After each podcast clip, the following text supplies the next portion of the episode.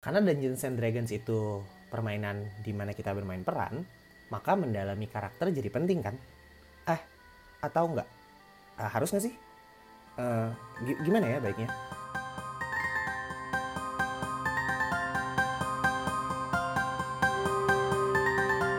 Halo semuanya, kembali lagi di episode Roll and Rolls, where bunch of people roll dice and play roles.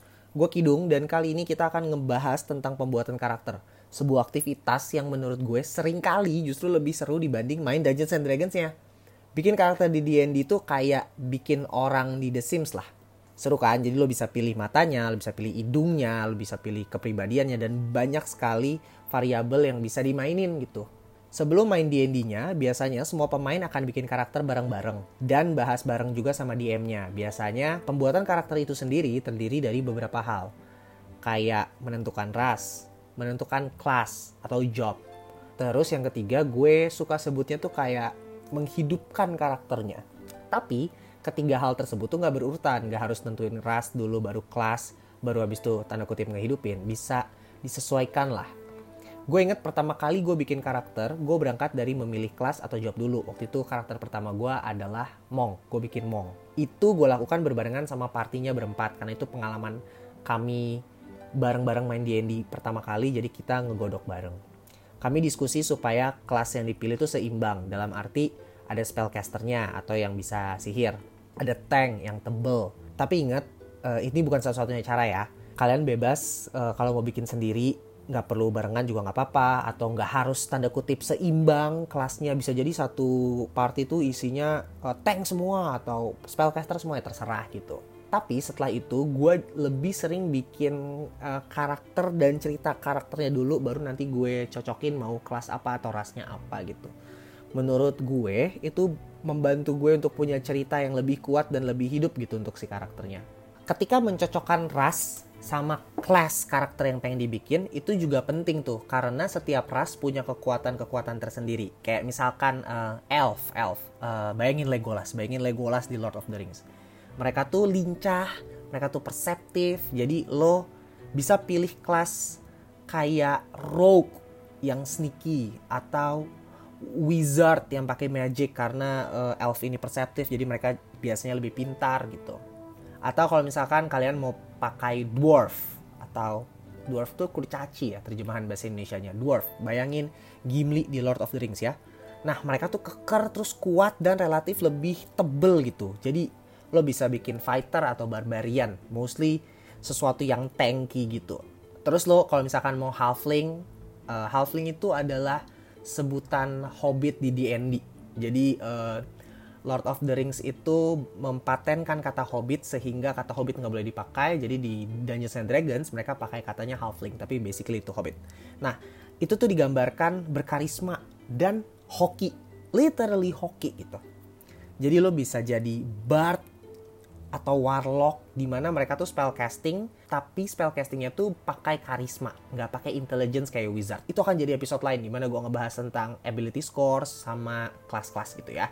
Menurut gue kalau nanti kalian mau main dan kalian mau memilih kelas atau job itu gue percaya ada beberapa kelas yang lebih sederhana mekaniknya sehingga lebih cocok tanda kutip untuk pemain-pemain baru. Ini menurut gue ya, karena gue diskusi sama teman-teman gue dan mereka nggak terlalu setuju juga gitu. Tapi menurut gue, fighter, barbarian itu tuh uh, kelas yang mudah untuk dimainkan karena mekaniknya tidak terlalu sulit. Jadi buat pemain-pemain baru cocok.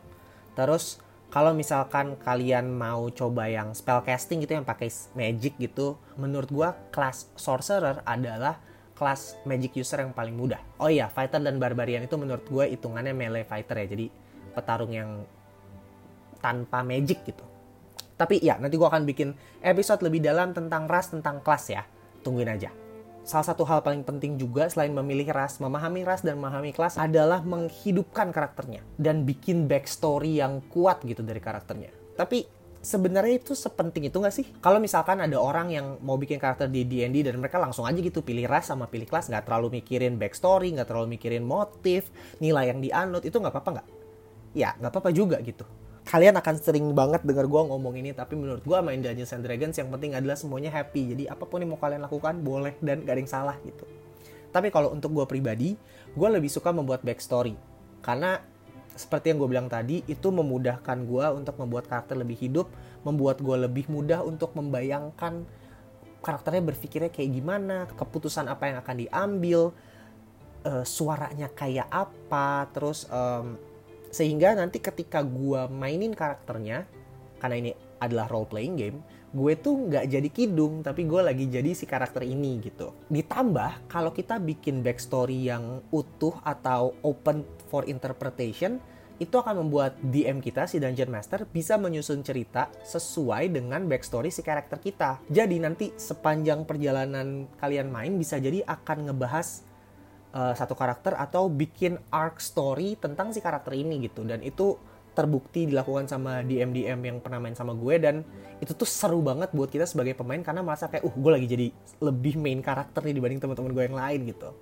Itu keren banget sih menurut gue tapi sekali lagi kalau kalian nggak mau by all means silahkan pilih ras pilih kelas terus ya udah langsung main nggak apa-apa banget enjoy untuk pembuatan karakter, kita bisa pakai dndbeyond.com. dndbeyond.com adalah platform officialnya D&D dan sangat mudah bikin karakter di sana. Jadi di situ kita juga bisa beli buku uh, buat unlockable characters atau sub race atau sub class dan magic item ataupun uh, spells dan monster-monsternya. Jadi di situ tuh kita juga udah disiapin karakter sheet yang bisa di-download ataupun kita bisa isi secara digital. Tinggal klik-klik aja itu sangat dimudahkan. Jadi selama ini gue selalu bikin karakter di dndbeyond.com. Tapi kalau kalian mau ngeprint karakter sheetnya dan nulis pakai pensil dan terus pakai penghapus buat gonta-ganti itu juga lebih OG dan mungkin akan ngasih kesan yang lebih berbeda experience-nya gitu ya. Nah ini adalah beberapa hal yang berdasarkan pengalaman gue membantu sekali untuk uh, membangun karakter gitu. Yang pertama adalah pakai referensi. Jadi gue tuh kan uh, baca manga dan gue nonton series gitu. Jadi gue tuh kalau cari inspirasi karakter itu dari komik, dari film, atau dari orang terdekat yang gue kenal, sama dari cerita rakyat. Gue punya karakter seorang elf yang kelasnya tuh druid. Druid tuh um, dukun lah, kayak dukun hutan. Jadi mereka tuh dapat magic powernya tuh bukan dari belajar di sebuah institusi, itu wizard, atau mereka bukan dapat dari you know bloodline di mana mereka emang terlahir dengan kekuatan magic itu sorcerer atau mereka bikin perjanjian dengan iblis itu warlock. Kalau druid itu mereka dapat kekuatan sihirnya dari tapping to nature energy. Jadi mereka sangat dekat dengan alam, makanya gue sebutnya tadi dukun hutan. Nah, si elf druid karakter gue ini, gue kasih nama Naivet Hon. Ketika gue bikin dia, dari awal tuh gue udah tahu gue pengen bikin karakter kayak Hinata Shoyo-nya Haikyuu digabung sama Gon dari Hunter Hunter. Jadi di kepala gue tuh karakternya harusnya pendek, masih kecil, excited, antusias banget sama naif ngelihat semua hal tuh baik gitu. Nggak mungkin ada yang jahat secara sengaja di muka bumi gitu. Yang kedua adalah ada orang yang bikin karakter pakai uh, zodiak gitu. Jadi selain dari anime atau dari film gitu mereka pakai dari zodiak. Ini menarik dan memudahkan banget. Jadi kayak tinggal pilih aja gue pengen bikin karakternya Pisces gitu terus tinggal ambil stereotip stereotip zodiak Pisces tuh kayak gimana terus itu dijadiin pondasi karakternya menarik banget Terus hal lainnya yang menurut gue harus kita pikirin ketika kita bikin karakter adalah memasukkan kelemahan dan kekhasan dari karakternya gitu. Kayak flaw, apa sih flaw tuh? Bukan cacat ya, tapi kayak kelemahan, kekurangan dari karakternya gitu. Karena menurut gue kalau kita bikin karakter tanpa celak tuh nggak asik kayak ya nggak mungkin gitu sempurna kan. Kayak balik, naivet yang well naif gitu dari namanya. Nah, kenaifannya tuh bikin dia jadi mudah percaya sama orang, dan sering kali salah baca cue sosial sehingga sering dibohongin sama orang. Termasuk sama teman-teman seperti gue. Terus gue juga pernah bikin karakter half orc barbarian namanya Zanot dia tuh bandit dan dari kecil hidup di jalanan uh, survival of the fittest banget. Jadi gue bikin karakter ini nggak bisa baca itu ganggu banget karena pernah ada momen di mana Zanot lagi uh, cari-cari investigasi-investigasi di sebuah ruangan gitu. Terus dia tuh nemu petunjuk dalam bentuk surat dan dia nggak bisa baca. Dan DM gue bilang kayak Zanot kan gak bisa baca. Terus gue kayak ah damn it. Jadi akhirnya gue harus bawa si clue itu uh, melewati rintangan-rintangan untuk balik ke temen seperti gue untuk mereka yang baca gitu. Menurut gue itu menarik banget sih. Terus yang tadi gue udah berkali-kali bilang adalah uh, motif dari si karakter ini backstorynya kayak apa sih value apa sih yang dia pegang teguh uh, balik ke Naifet dia gue tulis berasal dari sebuah desa gue sebutin namanya kampong yang semua penduduknya pada umur tertentu itu harus keluar dari desa untuk merantau dan balik lagi 10 sampai 20 tahun kemudian. Naivet gue bikin berumur 17 tahun, di mana itu adalah umur orang harus keluar dari desa. Dan sebelumnya nggak pernah keluar dari desanya sama sekali, sehingga pas dia keluar itu tuh norak banget. Pas dia sampai ke kota besar, ketika baru masuk dia tuh langsung lari ke pasar atau ke, misalnya lagi ada kerumunan atau lagi ada night market, dia tuh pasti langsung fiu, lari ngilang. Nggak denger briefnya. Terus dia ditipu sama pedagang, you know, nggak tahu nggak sih kayak kalau uh, pasar malam itu suka ada game-game gitu terus ada yang pasti nipu. Nah, ketipu tuh Naifet di sana.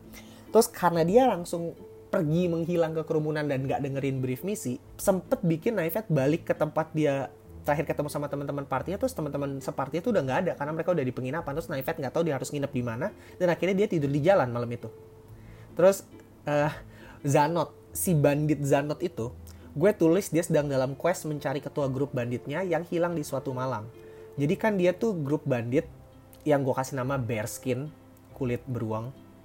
Suatu hari mereka tuh abis ngejarah sebuah desa, terus ngerampok dan akhirnya mereka bakar dan mereka bunuh semua lah. Terus karena mereka happy, malam-malam mereka tuh ngerayain, mereka party lah, terus mabok. Zanot agak terlalu mabuk sampai dia ketiduran. Terus ketika dia bangun, dia tuh bangun di tumpukan mayat temen-temennya, segeng banditnya gitu. Cuma dia doang yang gak ada luka, gak tahu kenapa, dia gak inget apa-apa. Terus ditumpukan mayat-mayat itu, dia tuh sadar kalau ketua gengnya itu nggak ada ketua gengnya tuh gue bikin juga lah karakternya half orc perempuan namanya Onka gitu jadi yang ada tuh Zanot lihat cuman senjatanya si Onka yang adalah Great Axe gitu jadi Zanot tuh berkeliling untuk cari Onka sambil membawa Great Axe-nya si Onka ini sekarang mungkin kalian bertanya, jadi lebih baik nulis backstory itu seutuh apa? Haruskah lengkap tujuannya kayak misalkan si Zanot gitu. Jadi dia emang misinya adalah mencari Onka sehingga ketika dihadapkan pilihan, dia pasti lebih berat memilih ke misi utamanya yang adalah mencari si ketua gengnya itu. Tapi kalau kalian sadar dari cerita gue tadi, Naivet itu nggak punya misi besar yang spesifik. Misinya adalah melihat dunia karena dia 10-20 tahun lagi harus balik. Itu aja. Keduanya itu membantu Dungeon Master gue uh, dengan cara yang berbeda. Zanot membantu Dungeon Master gue untuk bisa menulis cerita ke arah pencarian Onka. Tapi di Naivet, justru membuat DM gue bebas untuk nulis apa aja tentang Naifet. Dia bisa aja nulis tentang ternyata orang tuanya Naifet itu siapa gitu dan ternyata uh, kenapa harus keluar dari desa karena ada apa gitu. Itu gue nggak bikin backstorynya. Gue bebaskan DM gue untuk menulis gitu. Gue sangat berharap yang gue bahas tadi nggak terlalu overwhelming ya.